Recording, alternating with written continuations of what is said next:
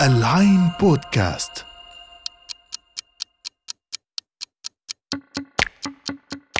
الساعة 25 الساعة اللي بتيجي بعد ما نقرأ نص أو نشوف فيلم. ونلف مع شخصيات خيالية برا الزمان والمكان. أنا سلمى أنور وحنتقابل أسبوعياً بالساعة الخمسة وعشرين. الكتابة فعل اتصال وتواصل. وعملية خلق معقدة ليها أطراف عدة.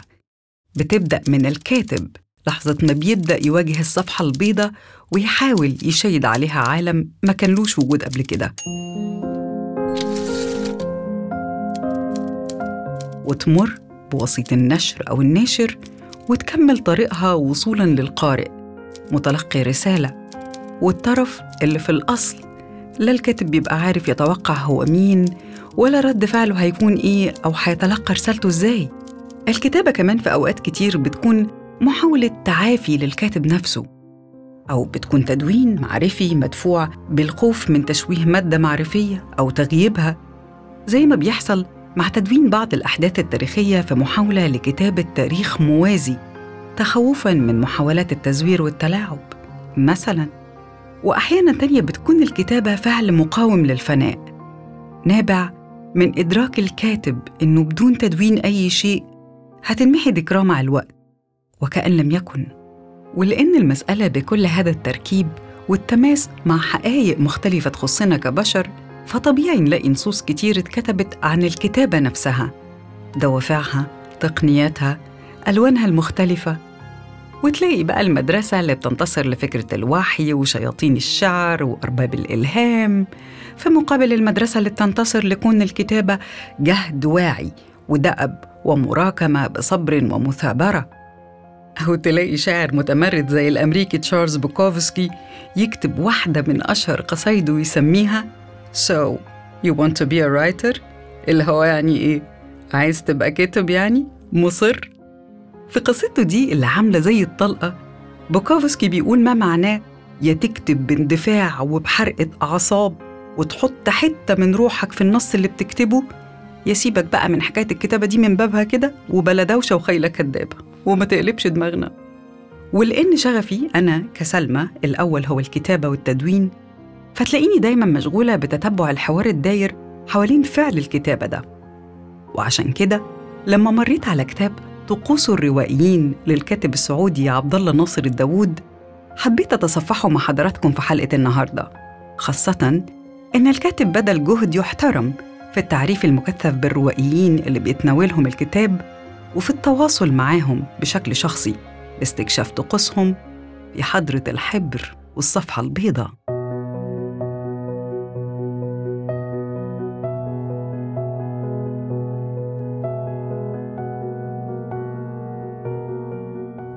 البداية بتكون من الكاتب السكندري المبدع إبراهيم عبد المجيد صاحب لا أحد ينام في الإسكندرية وبيت الياسمين. إبراهيم عبد المجيد بيقول إن موعد الكتابة الروائية عنده هو بعد منتصف الليل دايما في قلب الليل. ويمكن اللي بلور الطقس ده أكتر هو انتقاله في السبعينيات من الإسكندرية للقاهرة اللي يبدو إنه ما قدرش يأتلف مع صباحاتها الغجرية فهرب منها بالنوم وصاحب ليلها. اللي بحسب تعبير إبراهيم عبد المجيد بيشعروا أنه وحده في العالم. أما مكان الكتابة فهو غرفة المكتب اللي بيكتب فيها عبد المجيد من ثلاث عقود متتالية. والموسيقى مدخل مهم لاستجلاب الإلهام تحديداً إذاعة البرنامج الموسيقي. أكتب بالقلم وأكتب في كراسات كبيرة الحجم. لا أكتب على ورق منفصل وأكتب دائما. على الصفحة اليسرى. هكذا يشاركنا الروائي إبراهيم عبد المجيد طقوسه. قبل ما نعرف منه إن إنجاز رواية لا أحد ينام في الإسكندرية مثلا استغرق ست سنوات كاملة من سنة 90 لسنة 96 لأن هذا الكاتب الملتزم والمسؤول احتاج استعدادا لحياكتها إلى قراءة عشرات المراجع التاريخية عن الحرب العالمية الثانية. بالإضافة إلى أعداد ضخمة من الصحف المصرية اللي كانت بتصدر في فترة الثلاثينيات والأربعينيات. ناهيك عن الجولات المكوكية بين العاصمة ومدينة الإسكندرية اللي كان بيزورها عبد المجيد أسبوعياً ليتجول صامتاً في شوارعها مستلهماً روح المكان.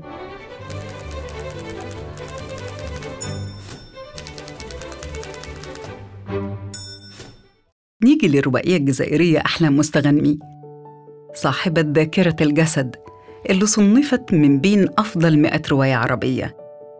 من تقديم الكاتب لأحلام مستغنمي بنعرف إنها ابنة شرق الجزائر اللي بدأت حياتها المهنية مقدمة برنامج إذاعي محلي قائم على قراءة الشعر على أذان المستمعين. وهي مسيرة بدأتها أحلام مبكرة للغاية وهي لسه مراهقة بعد ما لقت نفسها مسؤولة عن إعالة إخواتها في السن المبكرة دي. لكن الظروف المربكة ما كانتش سبب في تأخر أحلام عن استكمال دراستها لحد نيل درجة الدكتوراه من باريس. مستغنمي طقوسها للكتابة مختلفة. مستغنمي بتكتب في سريرها تحت إضاءة قوية وبتستخدم أقلام تلوين مدرسية. مش بس ألوان مدرسية ده في شوكولاتة كمان. آه والله. ألوان وشوكولاتة وحليب ونسكافيه. تلك هي مفردات طقوس الكتابة عند أحلام مستغني. اللي بتضيف اعتراف صغنون إنها غالباً بتنسى أقلامها الملونة مفتوحة. فتتلون الشراشف بألوان الأقلام. تقول أحلام وتضيف فألجأوا إلى تنقيعها بالحليب حتى يزول الحبر.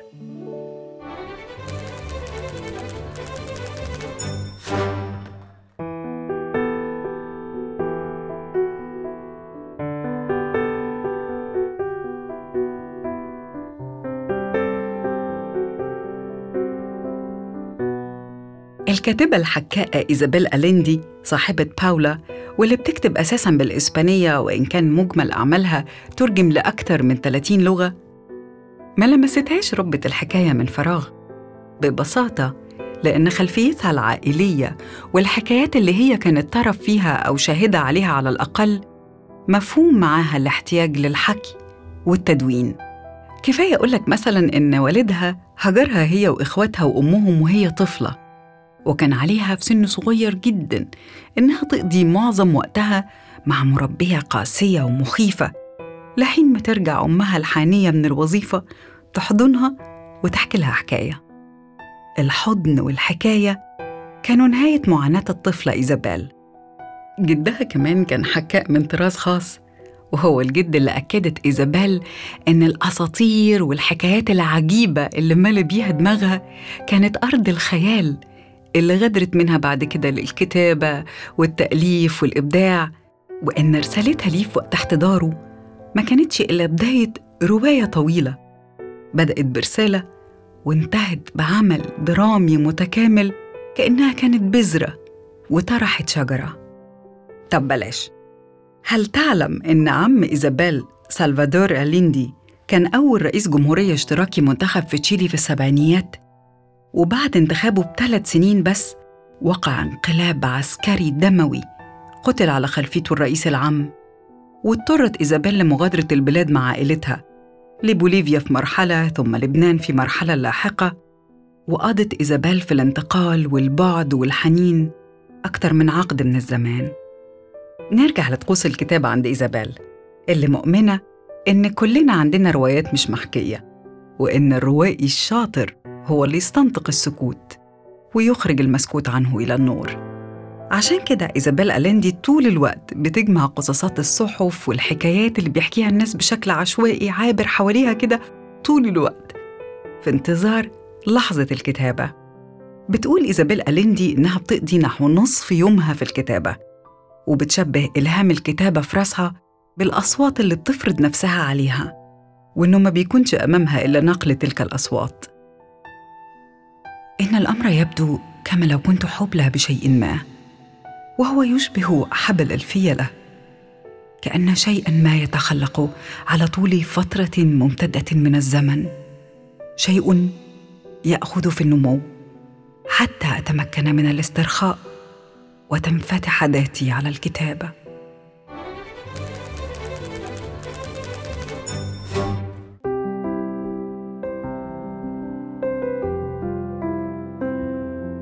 الروائي الكولومبي ماركيز لما اتكلم عن طقوس الكتابة قال كلام مؤثر جدا عن خفوت إلهام الكتابة في الكهولة وما بعدها وعقد مقارنة مرهفة وكاشفة بين لياقة شيطان الكتابة عنده في شبابه وبين لياقة ونشاط نفس شيطان الكتابة ده لما هرم معاه في الجزء الأخير من رحلته. واعترف إن حرفية الكتابة والإمساك بزمام تقنياتها هو اللي بينقذ عالم الكاتب كله من الانهيار في المرحلة دي. لما يعز الوحي ويخفت الإلهام مع خفوت الذاكرة والنشاط الذهني. أما الشاعر والكاتب المسرحي السوري محمد المغوط الثائر المبدع صاحب العصفور الأحدب فبيختصر طقوس الكتابة في عالمه المزدحم في جملة واحدة. بيقول لم يسبق لي أن كتبت على طاولة دائما ما أكتب على ركبتي وأكتب بقلم يكون جميلا والدفتر أنيقا وعلى ركبتي فكل شيء كتبته بعمري كان على ركبتي.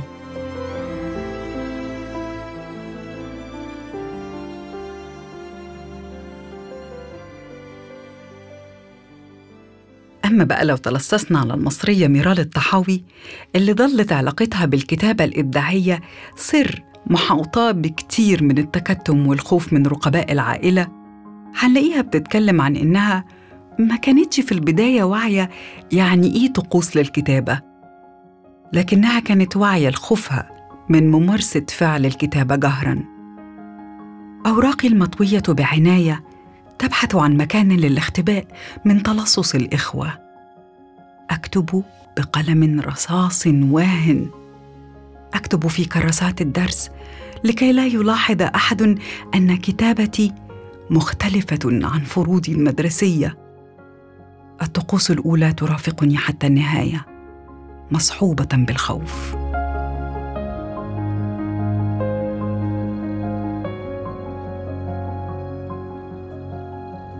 خلصت عرضي. لكن لسه الكتاب فيه مكاشفات وحكايات تانية عن كتاب من شرق وغرب وفي مجملها تستاهل القراءة والتأمل.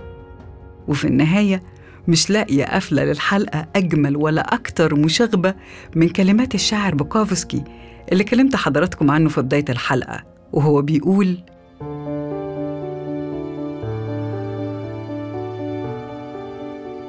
إذا لم تخرج الكتابة من داخلك منفجرة برغم كل شيء فلا تفعلها. إذا لم تخرج دون سؤال من قلبك ومن عقلك ومن فمك ومن أحشائك فلا تفعلها. إذا كان عليك أن تجلس ساعات محدقا في شاشة الكمبيوتر أو منحنيا فوق الآلة الكاتبة باحثا عن الكلمات فلا تفعلها. إذا كنت تفعلها من أجل الشهرة أو المال فلا تفعلها. إذا كان عليك أن تنتظر لتزأر بها فانتظر بصبر. فإن لم تزأر حنجرتك بها فافعل شيئا آخر. لا تكن مثل آلاف البشر الذين سموا أنفسهم كتابا. فمكتبات العالم قد تثاءبت حتى النوم بسبب أمثالك. فلا تزدهم عددا. بكده تكون خلصت ساعتنا ال 25 النهاردة. خلونا نكمل كلامنا في حلقة تانية وساعة 25 جديدة تجمعنا. ما تنسوش تسمعونا على موقعنا align.com slash podcast وعلى مختلف المنصات Apple Podcast، Spotify، Google، Deezer، أنغامي وساوند كلاود فتكم بعافية.